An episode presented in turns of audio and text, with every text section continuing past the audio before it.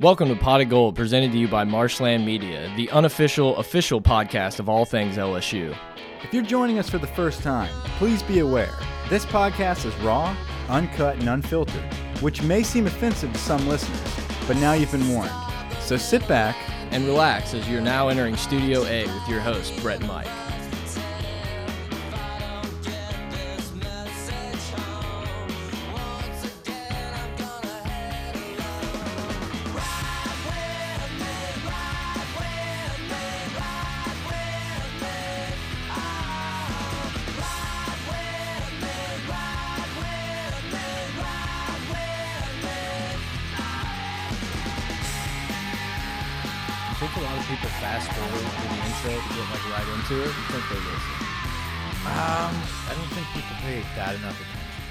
Just hit start and go They just hit start. there. Yeah. I'm sure there's a few people out there. That All right, it. let's pick it up. Get in there. Pot of Gold, welcome back, everybody. I'm Brett. I'm here with Mike. It's signing day, part two. Um, this was the February one that used to be the big one. Now it's kind of in December, but hey, LSU got some guys. It's going to be fun to talk about. I think we're going to go through the recruits that committed today and then kind of talk about the class as a whole. We got some Joe Brady talk. It's something that happened when actually we were working on our end of year review pod and it kind of broke and we wanted to talk about it and didn't. So we're definitely going to jump into that. And no days off in the pot of gold crew. We're going to look ahead to 2020 a little bit. Mike, what's up? Nothing, man. Uh, like you said, we're gonna discuss the final class. Um, for anybody that missed our part one recruiting segment, uh, podcast episode, definitely go back and download that one. Listen to that. We will not go through each individual player all over again. Uh, because that's already recorded and it's in your phone. So just go to iTunes or however you're listening to this one and go to our original recruiting podcast. But with that being said, the new guys, the six that we signed today, we will go through. And yes, Brett will be doing the intro voice. Yeah, we've been working with the audio guys. We got those uh, teed up in the background. We worked tirelessly on it. So don't worry. He's Uh, back. Yeah, so we're gonna go through those six. Do we have Um, any reviews? We didn't even talk about that. I don't remember. See, you know, I apologize ahead of time for not Shame reviewing on this. you. Brett, can you answer this question? Yeah, yeah, yeah. Did we read the Tiger fan in Maryland, uh, who was labeled stupid idiot, stupid? I don't think so. I think you said we're going we to save it. Want to save it and not read? Our last podcast was the review pod, right? This is great content. Yes, you're right. okay, and we, I think we talked about. Let's not play it. Yeah, let's not I read think it you're this right. time because it's kind of a it's a special podcast. Right. We'll review it on a normal one. All reviews are special. Not saying that. We are not saying that. Anyway, Read it. Tiger fan in Maryland gave us a five star review. Um, his name is Stu Pidiot. Uh, he wanted me to say stupid idiot. I'm sure. Um, good job, man. Uh, anyway, job fantastic job, guys. Can't say it enough. Uh, can't say it enough. Y'all's take on LSU football is a breath of fresh air. Not sunshine pumpers, not overly negative. Just two honest guys that are true fans and not delusional. Up here in Maryland, working and love listening to y'all on my commute. Smart and funny. Keep it up and keep going in 2019 is going to be fun. Uh, side note, enjoyed meeting you both at the Bama tailgate. Go Tigers, Drewski. Boom. So, yeah, I'm one of our fans that came out, flew all the way down from Maryland for Just us. for us. It's yeah, just for us. Not the Bama game, but he flew down. I signed us. his forehead. Yeah, I signed his girlfriend's boob. so anyway, um, I really hope he's not one of those guys that came in with his girlfriend. That was a joke. Yeah, no, just joke. kidding. We, Um, yeah. so- we charge for those type of things. Yeah, double. All right. So the 2020 guys that Brett said that we're going to get into, that is going to be kind of a carryover of our um our bitching side of the podcast. Yeah, I think it's going to be just like the review. There's going to be some hot, you know, some purple and gold glasses and some negative stuff. It's going to be a little bit of both. Yeah, we're, we're going to talk 2020 because 2020 is very important with defensive tackles, defensive linemen, um, mainly because we struck out on, on most, if not all, of our targets of on defensive line this season. We did have some backup plans that actually turned out to be really good surprises and really good players. Um, also, Brett, a silver lining here is we still have Rodney Sopsher in the back. Oh man, we got him. Clear the room for 2020 for sure. We'll get into that. Yeah, no, I think that I think that offer is uh Oh, burned. It's off the it's, table. It's gone. That's off the table. you ready to get into Let's it, Mike? Let's do it, man. Number one. Devonta Lee, wide receiver, Amite. So Devonta Lee, uh, comes in as our first uh, guy that we're talking about for this signing period, uh, the the new signing day class. He was the first one off the board that is really exciting and that we want to talk about because we've been recruiting this cat for a long time. He's a 6'2", 215 wide receiver slash athlete from Amite um, a territory of strong importance, Brett. I mean, well, I saw a couple uh, conflicting numbers on Twitter today, but they said it was the first time we've gotten someone in Amite in at least a decade. Um, so uh, Lester Ricard signed out of Amite uh, to LSU, and he was the last player that we signed, and he even uh, he ended up transferring to Tulane. Um, but this area, and it's not just Amite, it's it's Tangipahoa is is a, a fertile ground of talent and um, an area that is infiltrated by many SEC schools, um, mainly Alabama. And uh, we'll get into Ishmael Sopsher in a little bit, but uh, he was teammates with Sopsher, and this was a battle to the end for both of these kids. Devonta Lee um, he definitely uh, definitely wanted to be a Tiger, but I think he had strong intentions of, of going to Alabama as well. We recruited him harder. I think yeah. I think this is something we can take away as a victory for us uh, because Bama did not put the level of importance for Devonta Lee like we did. We valued him more. Yep. They didn't value him like we did. Um, I think you're completely right. Devonta Lee was like a must get for the LSU staff, whereas Alabama it was more like, yeah, you can come along. You can come along if you want, but we're not going to hold out an offer for right. you. We're not going to make it important. Uh, we definitely need to fill more defensive needs than load up on a wide receiver. Um, that honestly, you know, uh, he's a big bodied wide receiver that we might move to defense. Where LSU was like, look, man, you're 6'2, 215, a workout warrior uh, a guy that is aggressive to the football. Um, just uh, this guy has um, legendary status written all over him because of his work ethic. And I mean, I'm not saying he's not talented. I mean, he's a four star freak. Right. I remember whenever people were talking about DeVonta Smith the cat from Amite that signed with Bama. You know, he had the legendary national championship catch against Georgia. Um, whenever he was getting recruited to Alabama, the word was always like, it's okay if he goes. You just don't want to lose the younger one, which is Devonta Lee. And uh, we scooped him up. Yeah, hopefully. I think this is a guy who has the potential to play early. You know, I mean, we have some good wide receivers on this team, and I think next year maybe we won't see a Devonta Lee or a Trey Parker super early, but man, these guys are talented. It's great to have, and somebody's going to step up and find the field. Well, you know, it we're we've been very selective with our wide receivers. Uh, we talked about our linebackers being very selective about who we choose to fill in each one of these classes. Wide receiver has been one of those positions where we've been just as selective. You go with the top 2 last year. We had quite a few more than just these top 2 cream of the crops um, like Jaray Jenkins and um, your boy from uh, Berwick. You, you had quite a few receivers in last year's class, but the top were Ja'Marr Chase and Terrace Marshall. Where this year we got very selective and we said we're taking Trey Palmer and Devonta Lee. Two, by the way, best friends from the same parish. Uh, Trey Palmer is from Kentwood. Uh, Devonta Lee from Amite, they're going to room together. They want to play together. Obviously, uh, they they came through with their promise of playing together on the next level. The cohesiveness that these guys have, um, the elite talent that we picked up at wide receiver to couple with last year's class, we're loaded. We have talent across the board at the skill position. Um, we loaded up on the skill position overall in this class. You know, we'll get into the rest of the guys later, but uh, I'm kind of going off on a tangent about Devonta Lee because honestly, it was so important to get a kid from Amite. And at the end of the day, I really think between Sopsher and Devonta Lee, um, you're getting the harder worker that's going to be on the field. Um, There's less bust potential in Lee. Better way to put to it. There you go. All right.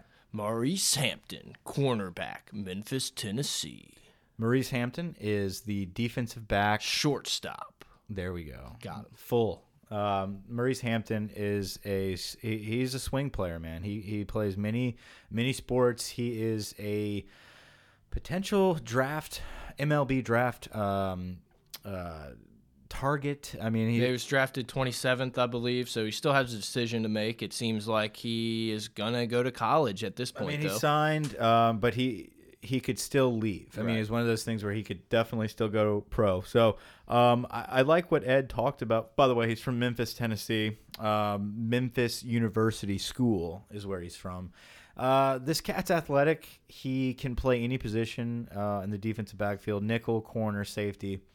Um, O talked about how one of his big things with closing on on Hampton because they were kind of worried towards the end. He he said out of all the kids that they were closing on, um, Maurice Hampton actually made him a little nervous because he did visit some other schools. Some other schools were coming after him hard. Um, but he pulled in pulmonary, um, his parents and Ed, and they all sat together and had a full on discussion about his future.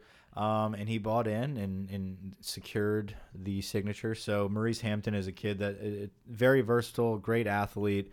Uh, that would be really legendary to play two sports. Could end up being like a Chad Jones type kid that plays safety for us, um, and then goes out to Alex Box and uh, is a legend on the diamond as well. Yep, kid's got a ton of talent. He's a great athlete. Hopefully, we get to see him. You know, that's just kind of the way it is. Ray Parker, tight end slash O line, Ruston, Louisiana.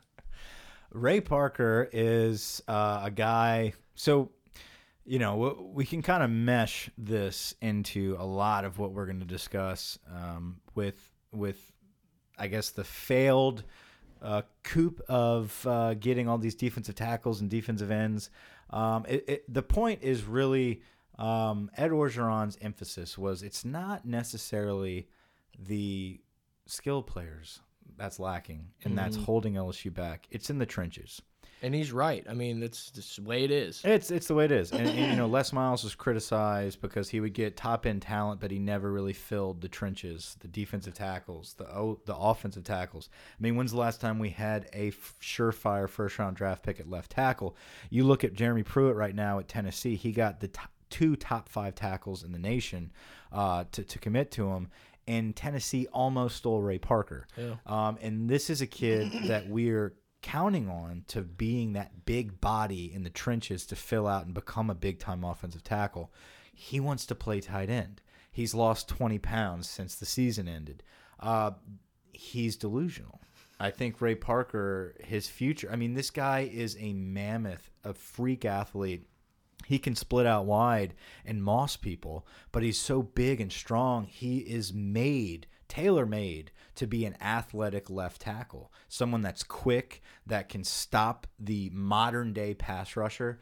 Um, I think he's going to see the light, much like a Dare Rosenthal. Uh, Dare Rosenthal is a little slower. He's more of a defensive tackle type player that transitioned, where Ray Parker is literally a giant wide receiver that can play tackle um, that just kind of wants that spotlight to catch the ball at tight end. Ray Parker will be an offensive tackle. We will make him gain weight.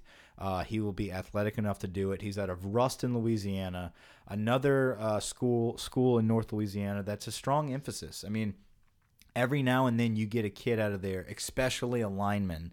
Um, Yeah, it seems like they do produce a lot of like line talent. I mean, Buggs. Yeah. Isaiah Buggs that went to Bama was a kid that I remember watching him at Ruston High and and just salivating over his ball get off. yeah, he sucks now though.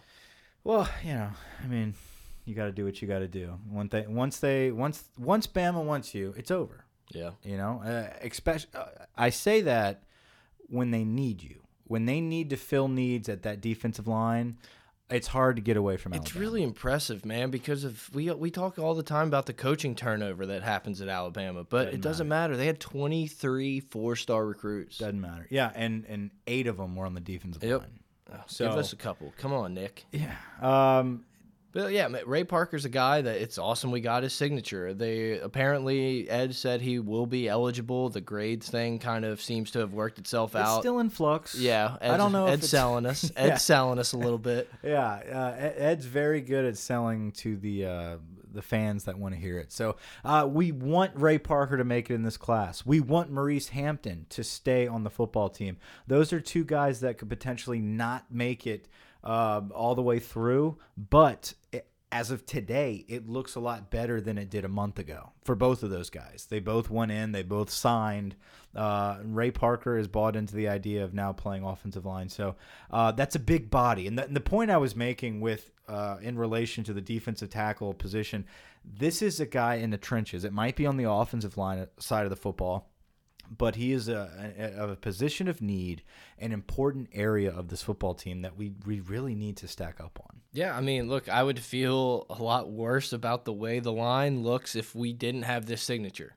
Yeah, and and listen, if we would have passed on Ray Parker and filled that with another DB, or even George Pickens, yeah. a big time wide receiver, I kind of would have been I would have been frustrated yeah. because that's a need. It's a must. It's yep. a must. Absolutely. Um, Go to the next one. Jay Ward, Georgia cornerback. So Jay Ward is a uh, 6'1", 200 pounder, um, good athlete, defensive back out of Georgia, three star player, very underrated kid, um, high upside. He is a guy that was committed to Kentucky for a long time. Um, he had several several offers. I know A and M was after him pretty hard. Um, he's a guy that Corey Raymond really likes, and if Corey Raymond really likes you, I'm all in. I really like the corners that we've uh, gotten in the last couple years, man. I mean, it's I guess you could say for the last couple decades, but I really like it. We seem to be building depth at that position, and uh, all these guys I watch, and I'm like, man, the, these kids can play. I don't know where they're going to find a spot, how they're going to fill in, but these guys can play. Well, you got Cordell Flott, Jay Ward, Rodarius, Rodarius Jones, yeah. Maurice Hampton, um, Derek Stingley, Derek Stingley, the number one player in the country. I Derek mean, Stingley. Yeah. How many times? How many times? Honestly, so for people that don't get the Derek Stingley joke, because we say it every podcast, you got to go back and listen to our Bama podcast because Devonta Lee. Um, now we can make fun of him because he's on our team, but Devonta Lee said Derek Stingley like five times. It was great. Um, anyway, that's a that's a plethora of defensive backs, which is uh, capitalized by the number one player in the nation yeah. in Derek Stingley. Well, and something that you've talked about a lot, and I, I, think I saw online today, this probably helps move Kelvin Joseph back to the safety realm. Sure, absolutely, and that's a kid you can't keep off the yeah. field. And I, I, look back on something Channel Four did on Kelvin Joseph uh, whenever he was a senior coming out of high school. Interesting enough, you know, we talk about Bama getting who they want. Bama really wanted Kelvin Joseph, mm -hmm. and and they struggle at times somehow uh, with with really loading up at defensive back. They can get the trenchmen, they yeah. can get the guys down low, but uh, where we do beat them at is defensive back. And uh, for a while, we were beating them in skill position as uh, anywhere, you know, yeah, wide receiver yeah. and stuff, but we didn't utilize them, so it didn't matter. Right? They now they're kind of better. Oh yeah, yeah. Um, I actually I was working with a former LSU football player and name drop. Yeah, I'm not going to drop. No, we'll, we'll edit that out. Uh, his name was Beep. uh, he said uh, the past two seasons, and he's like, I was kind of in denial for a while, but the past two seasons was it's the first time I ever really sat back and said it's it's a talent issue it, across the board, yep. they just have better guys than us, and it's hard for me to accept as a former player. I agree. Um, Saban's also had a decade to build it. Sure, absolutely. Anyway, um, Jay Ward, like we said, joins a crew of defensive backs for this class. Um, and a lot of people are going to say, well, what the hell are we doing taking another defensive back? And I think Ed Orgeron talked about it, uh, and he put it very bluntly. Listen, we produce top defensive backs. We are DBU. We have them for three years. Yep. All you have to do is look at the Fiesta Bowl and tell me we don't need more defensive backs every single year. If you can get a top guy that can play immediately, like all of these kids can probably do, uh, you take them. Now, does that mean that you pass on recruiting the Ishmael Sopshers and the Nathan Pickerings and Charles Moores and all the defensive tackles that you need to that need to be the replacements for the exodus that we're going to go through yep. after next year. No, but we are DBU and we have to keep it going. So getting a Jay Ward uh, who has a high upside, we've got a, a, handful of guys that are below Derek Stingley that could all have potential to blow up. We've also got the number one defensive back in the nation for next year's class already signed. So what up, Elias? Right. So right there, sandwiched in the middle, is this handful of very good, talented depth Uh, that probably will have one or two of them blow up, just like we always do. Yep. We always have that kid that's People probably like, the guy. why are we why are we recruiting this greedy Williams guy? Right. You know, and then he ends Like up we've being got Kelvin Joseph. Why do we need Greedy Williams? You know, Uh, not Kelvin Joseph. Uh, Kevin Toliver. Yeah. we've got Toliver, um, and uh, Mills. I mean, Mills came through, and we didn't know a thing about Jalen Mills. Yeah, I think what's proven at LSU over the last, you know, decade or two is that they can turn these guys who maybe aren't the most recruited, the three star type of guys, into first round draft picks. Any as many darts as you want to throw at the wall to get DBU type guys, these guys who can come in and play, I'm all for it. yeah. Soni Fonua. You Phon- pho- f- Fonua. Son Soni Fonua, Utah defensive end. Soni Fanua or Fanya is Fanya. a uh, 6'4", 270 pound uh, Polynesian, and I love that we're getting that Polynesian pipeline, dude. poly pipeline. I like it too, and and I, a lot of that. Uh, the reason I like it, and Ed talked about it today too, is that we're recruiting California very hard. yeah. Um, and there is a lot of Polynesian descent in California. Um, and I think next year's class, he's targeting many kids of the same nationality and that are located in California. Uh, Braden Fajoko's family is all aboard. And uh, Soni Fanua is actually was former teammates. So he's he's originally from Utah. He's by way of an Arizona JUCO. Um, he was originally teammates with Siaki Ika, Apu. Apu. Um, I love how Ed said his name like it was there is no Siaki Ika. No. There is none. His name is Apu. You say a poo. I feel like Ed's almost like an uncle to a lot of these guys. You know, it's just like I don't know, Yeah, Uncle Ed. Uncle Ed. He's a D line coach. Uncle Ed. Wish, yeah, let's recruit some of them. Yeah. Well, we have Meatball out there. Uh, we'll get to that. We'll get to Meatball in a little bit. That damn spaghetti. But he uh 6'4", 270. Soni is a guy that is a backup plan. Uh, and as as blunt and as honest as we're gonna get, uh, he is a backup plan, and so is Desmond Little, who we'll get to in a little bit. Um, but so basically, the last two guys we're going to talk about here, Soni and Desmond. Uh, I'll let you don't say. step I'll let it. you Don't- say. Yeah, don't. Um, but uh, I like the Polynesian pipeline. Yep. And he's got a great first step. Uh, Ed, he definitely compared him to Lewis Neal. Yeah, Um, he is a guy that, after watching his film, he's a mix of a Lewis Neal. He's got some Ray Parker, uh, not Ray Parker, Peter um, Parker. not Peter Parker. No, not Peter Parrish. No, he he definitely looks like a defensive end um, slash stand up outside linebacker. I mean, 6'4", 270 is really big. He did not look that big on film, but looking at him in person and in pictures, he definitely is. He's got some kickoff coverage highlights. He's got linebacker highlights. Um, he he's a guy that I think they're looking to be a better um, Andre Anthony. Ray Thornton is who I was looking for. There you go. With the Ray. Yeah. Uh, a Ray Thornton type Marcus guy. Thornton. Uh, Michael Divinity esque pass rusher. Uh, so he's a guy that's going to be a, a, guy that we're going to see probably on the field eventually. Some good quality depth there. We needed pass rushers.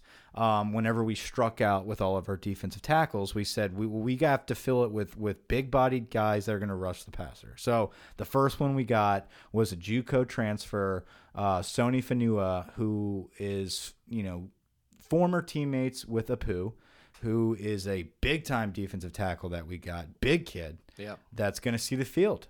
Apu is going to see the field. He talked about. Um, Ed was asked the question, "Who who are we going to see? Who are we going to see early?" And the first kid that came out of his mouth was Apu, Yeah. uh, a big bodied guy that we're going to get in the rotation, and then Derek Stingley, obviously. Derek Stingley. Yeah, Derek Stingley. Desmond Little, Mobile, Alabama, defensive end. So to stay on topic, um, Desmond Little is a big-bodied pass rusher who they feel is the diamond in the rough, is the best kept secret in Alabama. Uh, that quote unquote silent commit for some time. Yeah, but interesting. We wanted to see if we were going to strike out of all these other guys. I'm sure. I- think that they had a pretty good idea of who was going to commit and who was not going to commit, and this was a guy that they said, you know, we're going to keep in our It's back always there. pocket. He, he's we have that spot for him, and we think it's going to happen.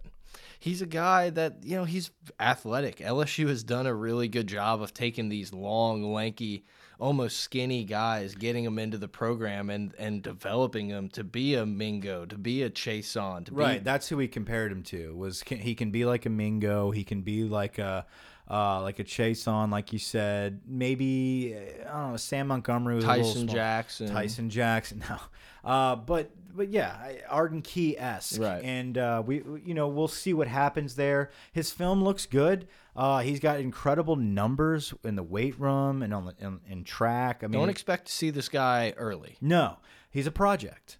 Uh, I, I think Soni and Desmond Little both are kind of project guys that are quality depth, but not guys that we need to plug and play immediately. Not guys that will come in and dominate if Rashard Lawrence goes down. Right. You know, it's and, and that's what we needed in this class, and that's where the bitching and griping will come in soon. Uh, but I do want to say something about the final offer for each class, and and this goes out to our boy Shay Dixon. He he posted this, um, so credit to him. Three star edge rusher Desmond Little. Respond to my DM, Shay. He doesn't respond. Yeah. Shit. Uh, three star edge rusher Desmond. He might be a little busy. Yeah, well, not anymore. Becomes Let's the- call him live. Hold on, let me read the tweet. Three star edge rusher Desmond Little becomes the late addition for LSU. Others who landed the final spot in the class when they had an extra scholarship, starting in 2012. Duke Riley, 2013 Debo Jones, 2014 Darrel Williams, 2015 Foster Moreau, 2016 Lloyd Cushenberry, 17 Justin Jefferson. That's awesome. So Yeah, all that- contributors. Yeah, uh, you can find guys who can contribute anywhere, man. I mean, it's it doesn't have to be a four star guy or three star guy even. Sometimes guys fit into systems. Sometimes they just don't get the looks in high school they should have. Sometimes they develop late. There's so many different reasons. These kids are 17 and 18 years old. They're gonna keep developing. Some guys that are four and five stars, they're, we're never gonna hear from. 'em. We're never gonna see them again. Some guys that are two stars may end up being Super Bowl MVP. Absolutely, absolutely. But we're loaded. Yep. This class is loaded with talent. I love this class. Yeah, this is a great class. Where it falls short is the depth that we desperately need um, on our defensive line, Yep. and um, that is the frustrating part. And and someone asked the question: Are we going to complain like Chicken Littles, like the rest of the people out there? Um, I'll be honest. Listen, I, it was frustrating not because of Ishmael Sopsher committing to Alabama. If you actually thought Ishmael Sopsher was ever going to LSU, um, the joke's on you. And But this happens so often. I'm so sick of getting my hopes up for the Landon I Collins. never guys. got You my hopes it. up for this kid You- ever. I agree. You've been on that. I I'm 100% with you and I said the same thing because I listened to you, but it happens every freaking year where we get to the day before signing Yeah. day and it's oh hey, LSU's actually pulled out the stops and he's really loving it. Felt the family love. Boom, Alabama. Right, and and listen, I'm sick of it. It's not it's not the people, it's not the the the Joe schmoes like me and you Yeah. that I'm aggravated with. That you know we look like idiots for believing it. It's the staff. Yeah. that's what frustrates me is they are doing the same shit to the staff every single year and it's working every single year. Why do we always think we have a shot with these kids? I, I mean, you Ishmael Sopsher started his bullshit whenever he was a sophomore, Yeah. and he said LSU's just not really recruiting me that hard. Uh, they need to step their game up. Whenever God knows Ed Orgeron was in that building all the time. Someone go bump that thread right now. Okay, and then also the telltale sign, wake up call when we should have said, you know what, this cat's done. Let's move on to someone else. Is whenever he decided to watch Bama versus Mississippi State instead of coming to the Georgia game. Yep. It's over. Get over it. Move on. And it's hard. I know it is hard for Ed Orgeron as a big time recruiter, quote unquote, and a defensive line coach to move on on the top rated defensive tackle in the nation in your backyard. It looks terrible, but guess what? You talk about how all these California kids are begging to come to LSU now, and you just visited a school in Maryland and all these other places. We need to get out of this battle with Alabama Yep. because we're not going to win it. Okay. I understand we, we got Stingley. I understand we pulled uh, uh, John Emery from, from Georgia. We can win some battles there. But when it comes to guys that have not ever said anything positive about LSU, Okay, and it's at such a big position of need. Move on, and they did at the last minute. They went after Charles Moore. Yep. They went after Byron Young. Yep. Nathan Pickering. Jaren Handy, who is a big time defensive end that went to Auburn, was a one time LSU commit. Why couldn't we close on any of these guys? That's the frustrating part. Yeah. It's because we were holding out thinking we were going to get Sopsher because he's in our backyard. It doesn't matter that it's Amite. You know, we're LSU. We get the guys we want. It's not the case. Well, when the kid the kid sits back and says, "Well, no, uh, no one has a shot until Rodney gets an offer." Guess who's the only freaking school Us. Yep. besides Oregon at the end, which is a joke. Guess where Rodney's not playing? Fucking Alabama. Right. Never. Okay. And I, and I I can't wait for that to slam in that stupid family's face because they're gonna see seriously. It's like, who do you think you are? You really bought I that am. shit? Um. And and that's something that Ed said right out of the gate at his press conference. Yep. Whenever they asked about uh, losing a lot of these targets, um, he said we did the best we could. We did it the right way, and it didn't work out. Uh, and we're moving on. Uh, so obviously th there may have been some foul play there. Uh, I don't know what I the just wrong imagine. way is. I just imagine Panamsky like licking stamps, putting them on envelopes to the SEC offices, saying like the barber. Yeah, Yeah, these I- guys are cheating. but they're never gonna shut him down. No. you know what I mean. And and it, if if we're doing It was it, a very interesting comment. Though. if we're doing it the right way, what is the wrong way, and why are we not allowed to do it? Yeah. Why are we not allowed to do the wrong way? Um, who knows? The, what has me so frustrated though is the it- this. I mean, dude, the signs were all there. You offer that you offer Rodney the only school to offer him, and guess what he does? He, do- he doesn't say a word about it. Yeah. Ishmael Sopsher now has a different tune. Well, it's going to take more. It's like, dude, he does not want to go to LSU. If he would have put on an LSU hat, he would have been so regretful because he never wanted to come here. We don't want those type of people on the team. I want us to move forward. I want our coaching staff to say, guess what? If this kid is such a hard pill to swallow and we can't even break a dent in him, look past the bullshit and target another kid and go all out for the Nathan Pickerings, okay?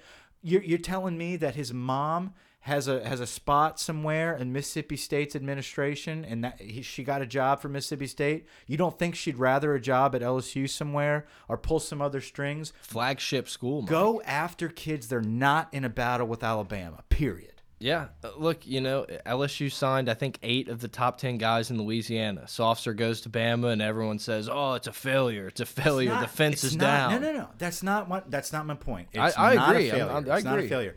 It's such a strong position of need where I don't like our backup plans being people that are out of nowhere that no one else is really off after. Move forward earlier on another big time SEC type target and go all out because the soft shit. I really think that was just a slap in the face to LSU. It was just a hot gotcha Yep. that we have to deal with every year. And It's I'm happened a bunch of times. I'm tired of the gotchas. I'm tired of the Pat Surtains um, committing the next day where we could have got Goodrich, but you screw us over. Yep. We need to wake up and realize and see these kids for who they really are. And if they're playing you and they know you're and you know they're playing you, move on to the next kid. Because guess what? Next season, that's what we're talking about 2020 for, okay? 2020's class in state Jacobian Guillory, Jaquelin Roy, and Cameron Jackson. Two of which, Roy and Cameron Jackson, Cameron capital R, Yeah, comment to the top. Are both committed to LSU already. Okay. You know who else was committed to LSU at one point as a defensive tackle his year before he signed? McKinley Jackson out of Mississippi, the top defensive tackle in the nation. Jaren Handy, okay, that just signed with Auburn. These guys have been committed to LSU before. How do you keep them? As Seinfeld would like to say, I can make the reservation, you can take them, but how do you hold the reservation? Keep the reservation. You gotta hold it. The holding part is really the most important part. And right now, I really think one of the biggest problems we're having with holding this reservation is meatball. Yeah, you know that's kind of seemed to have been the the person people point their finger at right now. Meatball has to go. I'm not saying I disagree, but this is Ed's guy. I feel like he's gonna get a lot longer than maybe someone else would. I think I just. I, And, but I it don't also know. begs the question: Is Jaquelin Roy and Cameron Jackson committed to us because of meatball? Right. So I don't know. Uh, but Meatball is all, was also here. And I'm sorry, I'm not trying to bash uh, Dennis Johnson. Right. I think he was a great contributor as a walk on. I think he is somebody that Maybe a little over his head. he's over his head. He absolutely is. I think the defensive tackle coaching position is huge at an SEC school the caliber of LSU. Um, Do you think Ed was just like, well, I'll coach, I'll coach D line? the problem is Ed is so it has so many more restrictions on himself from recruiting these kids where Dennis Johnson has as an assistant coach has way more access okay I would rather a closer I would rather the cutthroat um you know uh, Corey Raymond style level recruiter at defensive tackle Yeah. and let the coaching stuff yeah sure let let um let Ed get in there in the day to day coaching of Bring these kids. back Pete Jenkins. But listen, if we're gonna rely on Dennis Johnson slash Meatball to be the guy that closes on these big guys, you see, it's it might be out of his out of his reach. He got Chaisson. That was the big one, and we know that. And that's what got him the job is because he closed on Chaisson. But guess who else closed on Chaisson? A flight first thing in the morning from Ed Orgeron and him meeting him at the airport. I mean, it was a, it was a bigger thing than just Dennis. Um, things need to we have change. to get better. We have to get better at that, and it has to happen in 2020. Exactly. I do not want to harp on the net. I don't want what happened with the defensive line recruiting to to shadow to put shade on what's otherwise an incredible an incredible signing class. Look, man, if Derek Stingley, Maurice Hampton, Trey Palmer, if those guys commit today, we're losing our shit. But If we instead, pull John Emery from Georgia Yeah. right now, instead they commit in December, and it's the people background forget. on my phone. Yeah. You're right. Absolutely. And and I hope and that's why I want people to listen to our, our full recruiting pod, part one and part two. Um and, and again, I do not want people to misconstrued my criticism right now. It is not a melt because we didn't get Ishmael Sopsher. I never once, and you can go back and listen to every pod we talked about recruiting. I said, and you said as well, Well, we need yeah. to move on from Sopsher. He's not coming here. We're wasting resources with him. He's a bum, and he's going to play us. And we're going to look like idiots because two weeks out before signing day, all of a sudden it's 50 50. like that shit's going to start popping up. The Sunday brunch really swayed the It's mob. like now he's in, you know, and the night before we got an ace in the hole. Something's something's coming. It's like, guys, don't buy it. yeah. Don't buy it. Um, Priest Willis has LSU socks on, man. yeah.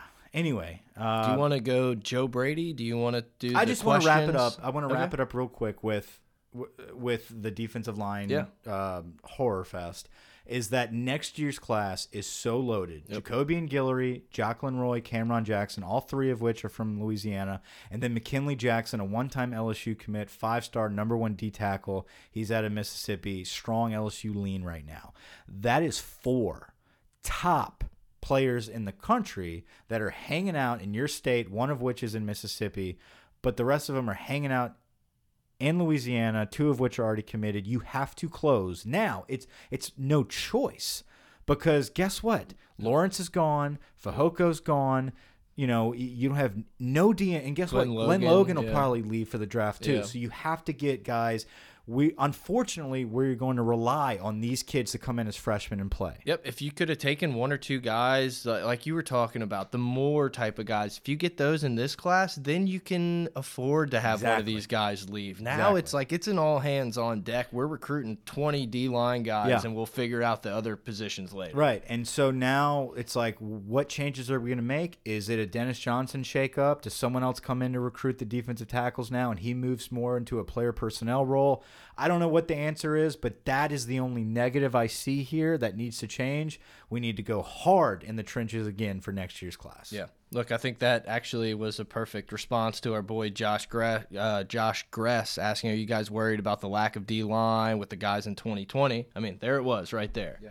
Set it up for us, Hunter, and our boy. You know, post sponsored by Lecoq. We just got one of those in Lacroix.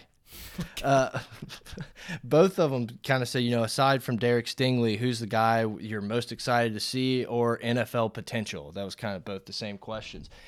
Me, it's uh, I just blanked on his name. I saw Maurice Hampton. I want to do it. It's uh, the the safety. Uh, the linebacker that may Yes. play safe, uh, Brooks. Marcel, Marcel Brooks. I saw Maurice Hampton and it just like blanked my mind. Well, he's he's he plays all kind of positions. So when you said safety, I was like, is he going for Brooks here? Brooks is just one of those guys I can't wait to watch. I, I mean, he's I don't know, man. I think he's going to be one of those guys that almost like a Delpit or Jamal Adams that plays early, and you're like, holy crap, this dude does not look like a freshman. 6'2", 200 pounder, can fly, can play receiver, can play outside linebacker, is going to start off his career as a roaming safety, as a kid that you're going to have to have on the field in some capacity. He is our latest five star. He is one of the reasons why our class is so heavily coveted and high is uh, because of Marcel Brooks. So I agree with you.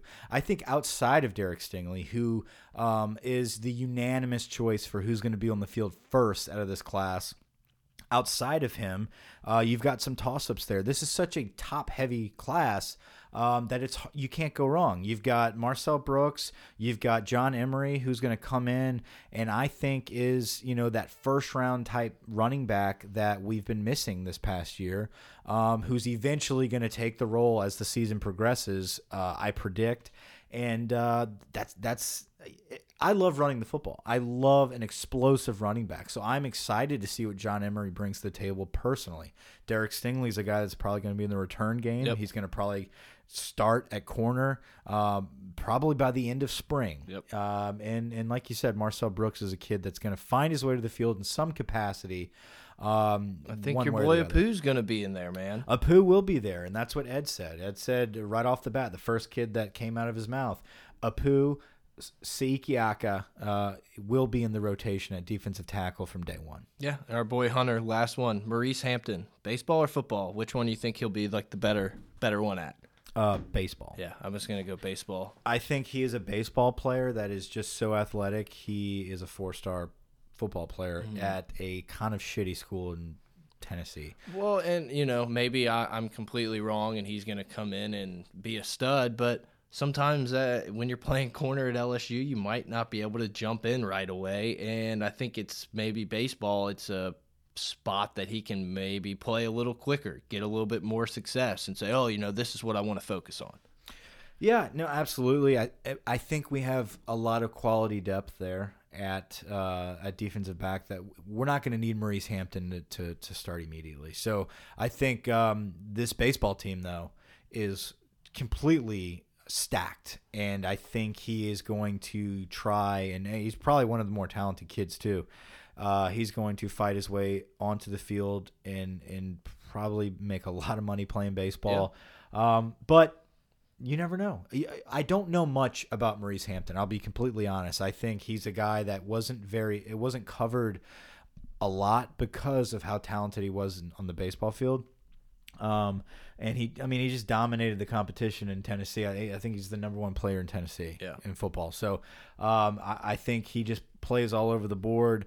He could be on the field. I just think we're so deep at defensive back. He's not going to stand out over all of them. I'm with you. Where he's going to stand out on the diamond. Yep, absolutely. You want to do some Joe Brady talk? Let's talk Joe Brady, man. Um, very excited about this. Yeah. I mean, this is a guy who came from Penn State, has been with the the Saints for a little while, working on the RPO type stuff. It seems like he's very innovative, and he's going to do a great job of maybe I don't I don't know if I want to say install an offense, but revamp our offense to do things more modern and not be as basic as I think we were this year. Ed already said he was excited. That's exactly what he wanted. Of course, he told us that, but. I, tremendous. tremendous dude. I don't we uh, state of the union uh I didn't get to see it. it was a it was a treat. Um anyway look this is a guy that Don't kill off our listeners. i'm really excited about. I think we'll be okay. I, i'm really excited about him man. It's i think it's exactly what we needed. It's that young blood that comes in and says why are we doing it this way? Let's do it this way Ensminger, you call the day to day, you call the game day play calling, and we're gonna do a lot more different shit.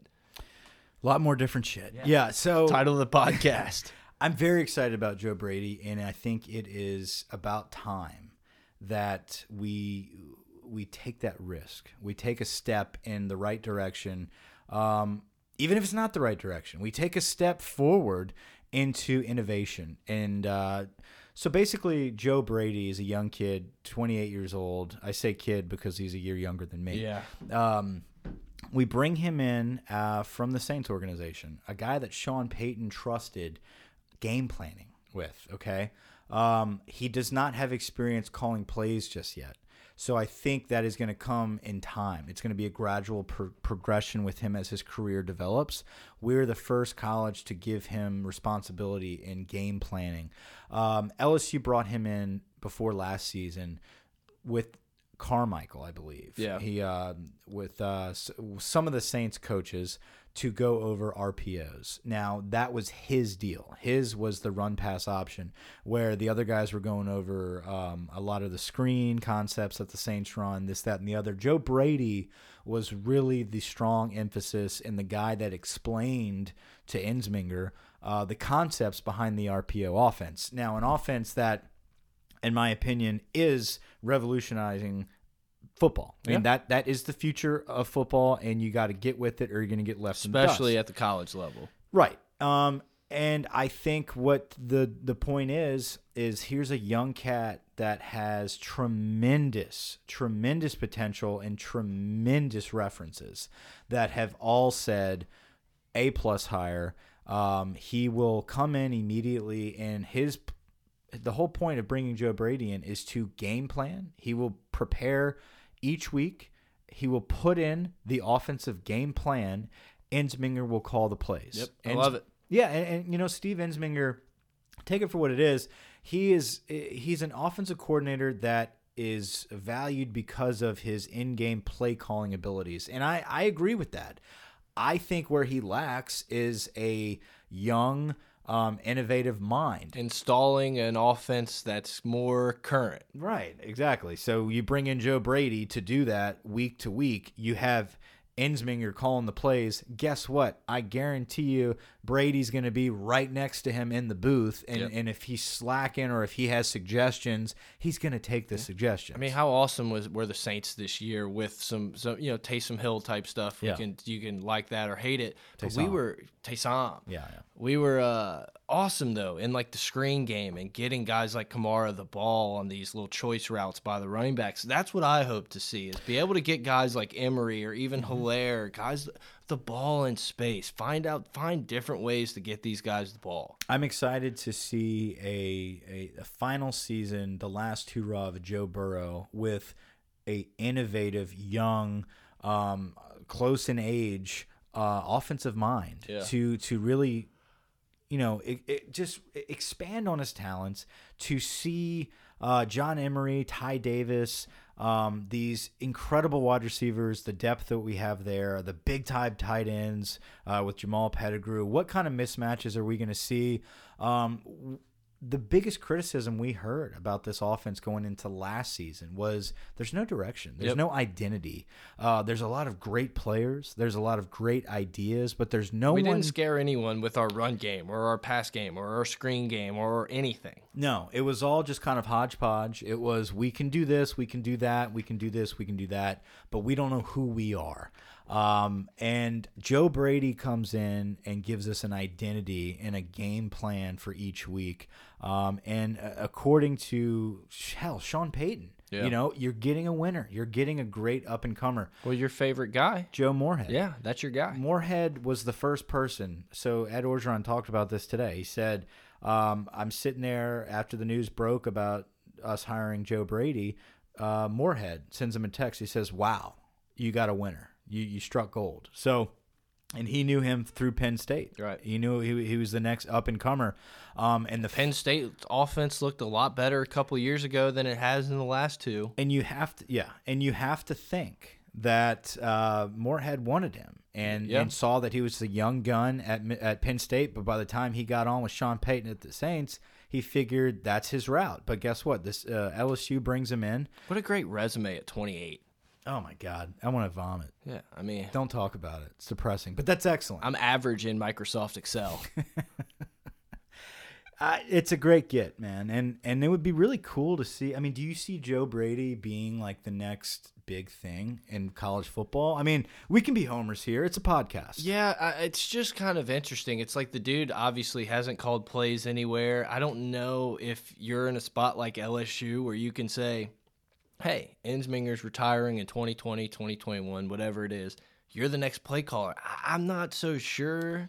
But if our offense comes out and it looks like something that we've thought and hoped for for the last five years, it may be worth the risk. I don't know. This guy's got a lot of potential, man. A lot of really good coaches have seen what you know, seen a lot in this dude early on. Let's give him a If shot. you're Joe Brady, do you take this route or do you hang out with the Saints and stay in the NFL? Man, I, it, it's interesting because shit, the way the NFL's going, if you're young and maybe like have a beard like McVay, you can get a head coaching job. Or abs like Kingsbury? Yeah, Kingsbury, I love it. Um, I kind of take this route uh, because I value college football more. But, but, um, as an offensive coordinator, okay, can you imagine being the OC that turned LSU around? I know. and finally developed their quarterback. Something we've said since 2010. That's the next head coach anywhere. I mean, look at look at Clay Helton. You know, like they, they just jumped to USC. I mean, I think Joe Brady, if he could develop into what people say he can be, um, you could be looking at the next big deal at OC that we are are finally like we finally can break the curse of not having an offense, and it's like we have the next young gun, and he's ours. Is it sad that like I just can't wait for the spring game? Like, is that do we have a problem? It's like in a month. Or we start practicing in like Yeah. a month. It's crazy. We do have a problem. okay, We do have an issue. We're obsessed. Um, but my obsession with LSU sports is about to flourish in another direction. LSU baseball is around the corner. Basketball's Yep. doing great, by Look, the way. basketball tough loss, but I, I, you know, I love that this team has faced some adversity. They're playing in a lot of close games. They're winning some, they're losing some, but in tournament time, it's times like these, it's games like these that really show you who you are and who you can trust, who you can go after. So I just, were you singing? I was singing a little Foo Fighters times like these. thought I have to going. sing. I have to sing my own Foo Fighters because they canceled. Oh, the Fillmore concert I know. canceled. I felt I, I gave an audible sigh. I was like, Michael had tickets to that. Like we were sitting there watching watching TV last night. And I, I literally out loud said it. But look, I, I think I think LSU basketball is in a great spot, and I'm really excited for SEC tournament and the NCAA tournament to come around. This team's got a lot of poise. They got some cajones, as you'd like to say. I love cajones. So- I, I, love I love when I see our guys uh, play with big cajones. Yep. Um, But yeah, baseball, man, excited. So Grant, the intern, is going to be probably, hopefully, by next week. We have a preseason LSU baseball podcast. We will have him in studio. Yeah, more of a staple. Yeah, he's gonna he's gonna be he's gonna have an expanded role this season. We're gonna try to do a little bit more emphasis on baseball. I really believe this is a championship caliber year, so we definitely want to stay on top of it. Uh, by no means are we gonna document every pitch of baseball because there's like a zillion games. Um, but there is some exciting exciting weekend matchups coming up this season. The SEC is loaded with talent. Kentucky, Florida. Um, we open. Um, the, obviously, we open with some shitty teams, but the first big series is against Texas. Uh, so LSU baseball. Is Texas baseball back, Mike? uh, who knows? We'll find out. Who knows? Stay Um, tuned. But big news with baseball coming up. So so look forward to that coming up, guys. I hope you enjoyed our our recruiting recap. Um, this is part two of the LSU football 2019 signing class podcast from Pot of Gold. Definitely go check out our first episode. Uh, we go in depth on the rest of the class that signed early. Um, great group. We finished what number five. Yep. So um, things are looking great. We cannot wait to dive into more football talk. But guys, Brett, I think this is it with football till uh, spring. Till next week, yeah. till spring. So, we'll uh, figure something out. guys, thanks for listening. Um, and we enjoyed the support, and we'll Love be back guys. next week. Over.